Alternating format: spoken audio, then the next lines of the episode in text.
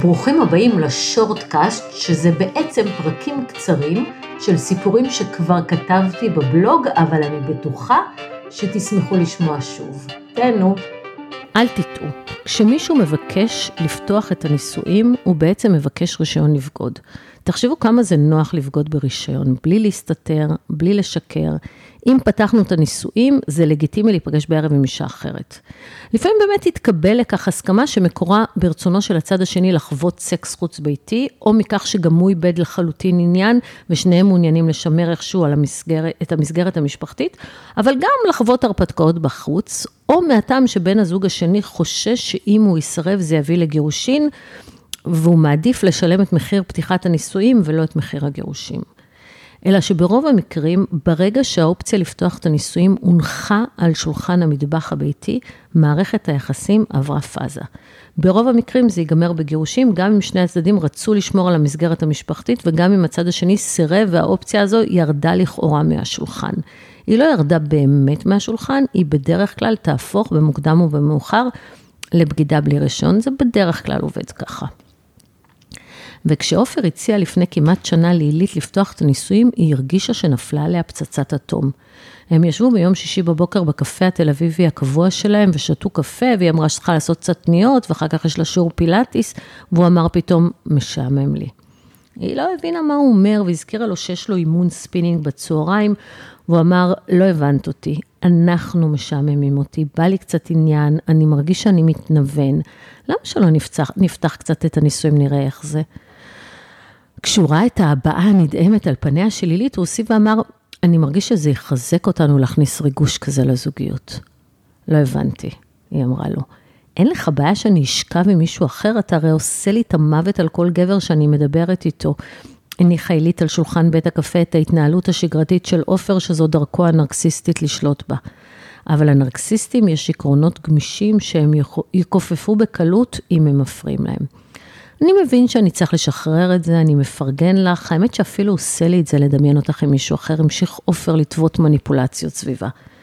מצטערת, לי לא עושה את זה לדמיין אותך, אותך עם מישהי אחרת, להפך, זה שובר לי את הלב. אם משעמם לך, לך תעשה קורס סקיפרים כמו שרצית מזמן, אל תבקש ממני אישור לזהה נשים אחרות ענתה עילית, ובכך נחתם הנושא. אבל כשעופר רוצה משהו, הוא לא מרפה. הנושא עלה שוב כעבור שבוע מכיוון אחר. הוא שלח לה קישור למאמר אמריקאי על עלייה בשיעור הגירושים בארצות הברית, והוסיף, נדבר על זה בערב. והיא התנהלה כל היום עם אבן על הלב, כי היה לה ברור שיש כאן אמירה. בערב עופר אמר לה שהוא מודאג שכולם מסביבה מתגרשים, והוא ממש לא רוצה לפרק את המשפחה, והם חייבים להכניס קצת פלפל לחיים. היא אמרה שהיא לא מסוגלת לפתוח את הנישואים, לא יכולה לחשוב לא על עצמה עם מישהו אחר ולא עליו עם מישהי אחרת, ושלדעתה דבר כזה רק יפרק להם את המשפחה, והיא ממש, אבל ממש מבקשת ממנו לרדת כבר מהשטות הזאת. ועופר ירד מזה. כלומר, ירד למחתרת. הוא התחיל לחפש ריגושים בסתר ולנהל סטוצים בזהירות רבה, בלי שהילי תשים לב. לילית ירדה אבן מהלב, היא חשבה שעופר ירד מהשטויות שלו, ולא רק זה, היחסים ביניהם גם איכשהו השתפרו. עופר היה הרבה יותר נחמד, לא אמר יותר מילה על שעמום, והיא הייתה בטוחה שזה בגלל הקורס סקיפרים שהעסיק אותו לא מעט. ברגע של היסח דעת הוא נרדם בסלון והטלפון שלו הבהב. היא הסתכלה לתומה ובום. כמו כל הבגידות שמתגלות, גם זו של עופר הסגירה את עצמה בהודעת וואטסאפ ירוקה שלא מותירה מקום לטעויות עם ציטוט מהשיר פרפרים לבנים. עוד הריח שלך עליי מאתמול. יש משפטים שלא מותירים מקום לספק, נכון? קשה להסביר הודעה כזאת שמגיעה ב-20 בשעה 10 בערב. עילית העירה את עופר, הצמידה לו את הטלפון לפנים עם דרישה להסביר לה את ההודעה. עכשיו תראו, יש כמה סוגים של גברים שנתפסים בקלקלתם. הסוג הראשון מודה ומתחנן שתסלחי לו. הסוג השני מכחיש לחלוטין ועושה גז לייטינג כזה שגורם לך לפקפק במה שזה עתה ראית, או להאמין לפרשנות שלו. והסוג השלישי כועס שבכלל העזת לגעת לו בטלפון וטוען שהוא בחיים לא בגד בך, שהפרשנות שלך שגויה, ומתרה בך לא להעיז לשוב ולחשוד בו, או אפילו לפגוע לו בפרטיות ולגעת לו בטלפון. עופר, שמאז ומתמיד היה בעל קווי אישיות נרקסיסטים בולטים, כעס מאוד על עילית. מה את נוגעת לי בטלפון? מה את מבלבלת את המוח? לא שאני חייב לך הסברים, אבל רק שתדעי שהייתה לנו שיחה בעבודה על שורות בלתי נשכחות משירים ישראלים, וניסינו להיזכר בשיר הזה ואף אחד לא זכר, אז היא כנראה נזכרה ושלחה לי.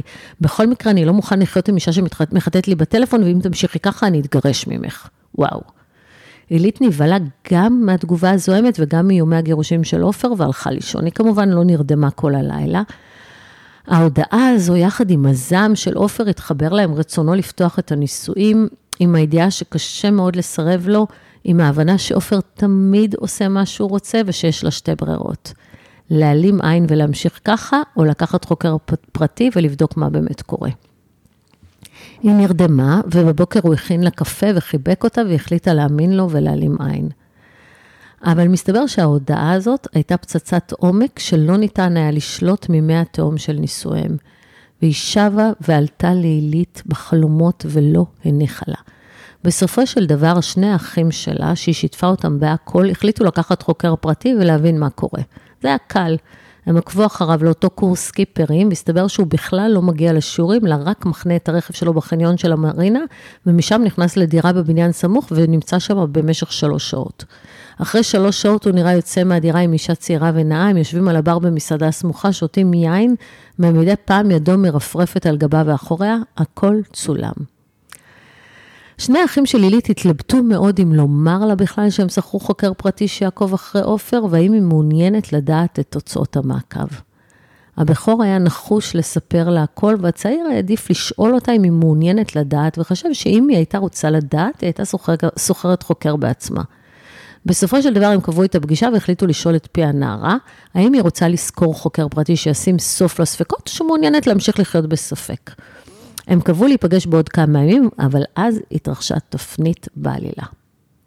בשישי לאוקטובר, השנה, 23, הילית קיבלה את התמונות שצילם החוקר ממקור אחר ושלחה אותן נרעשת לאחיה שהגיעו מיד. מסתבר שהחוקר הפני, הפרטי פנה ליוסי, הבעל של אותה אישה, והציע לו לשלוח לו תמונות של אשתו. יוסי שיתף פעולה, קנה מהחוקר את התמונות ואפילו שלח אותם לעילית. מיד לאחר שהוא שלח אותם לעילית, הוא המתין לעופר מתחת לבית, ניגש אליו, הושיט לו יד ללחיצת יד, וביד השנייה הכניס לו אגרוף בבטן ואמר לו, פעם הבאה שתיגע באשתי, אתה תפסיק להרגיש כאב. וכל זה נודע לעילית מיוסי, הבעל של האישה שעופר עשה לה פרפרים לבנים בבטן. היא לא אמרה לו כלום, כי היה ערב חג. היא ראתה עליו שמשהו לא בסדר איתו, אבל הוא מעמיד פנים כאילו כלום, וידעה שהוא מקווה ש... היא ידעה שהוא מקווה שהיא לא יודעת. היא לא באמת רצתה לדעת, היא רצתה את החיים שלה בחזרה, ולא ידעה מה עומד לקרות למחרת בשבת בבוקר. למחרת, 7 לאוקטובר, כמו שאתם יודעים, פרצה המלחמה. אחי הצעיר היה במסיבה ההיא, כן, בנובה. בנס הוא ניצל בגופו, אבל הנפש שבורה, גם היא. הבגידה של עופר נראתה לה פתאום הצרה הכי קטנה בעולם. היא הייתה מוכנה לקבל את החיים שלה בחזרה, כולל הבגידה של עופר, כולל הכל, אילו רק אפשר היה להחזיר את הזמן לאחור לשישי לאוקטובר, לעשות כזאת קפיצה קוונטית ולדלג על הגיהנום הזה שנפלנו אליו. האגרוף בבטן שעופר קיבל מיוסי, יחד עם טראומת המלחמה, עשו את העבודה ובמשך 50 ימים הם עברו יחד ליקום המקביל והשחור אליו נפלנו כולנו. הוא תמך בה והיה שם בשביל המשפחה כולה, ובכל זאת היא הרגישה שהוא מאחורי מסך דק ושקוף, גם כשהם יחד בממ"ד. והיא התעלמה מזה. ואז הדברים קצת נרגעו, הייתה כמה, הייתה הפסקת אש של כמה ימים, החזירו את החטופים, הייתה קצת חזרה לשגרה, ואז עופר סיפר לה כבדרך אגב שהם החליטו להחזיר את השיעורים בקורס סקיפרים. בכלל שכחה מהקורס, שכחה מזה שהוא היה סיפור כיסוי לבגידה שלו, וברגע שהוא אמר את צמד המילים קורס סקיפרים, היא נזכרה. גלים של טראומה הציפו אותה, והתפתחה ביניהם מריבה קשה שעופר לא הצליח להכיל, כי היא אמרה שהיא לא מסכימה, ומבחינתה נגמר לו הקורס הזה. עופר חטף התקף זעם קשה. הוא הכחיש, הוא האשים אותה שהיא לקחה חוקר פרטי, הוא איים שהוא יתבע אותה על פגיעה בפרטיות, איים שייקח לה את הילדים, שהוא ישאיר אותה בלי כלום, שהוא ידאג לאשפז אותה, ואז לקח תיק והלך. יום שלם הוא לא יצר קשר, ולמחרת היא הייתה אצלי נחושה. יש מספיק סבל בחוץ, היא אמרה, החיים קצרים ושבריריים, לא צריך מלחמה גם בבית. זהו, בואו נאחל לה בהצלחה.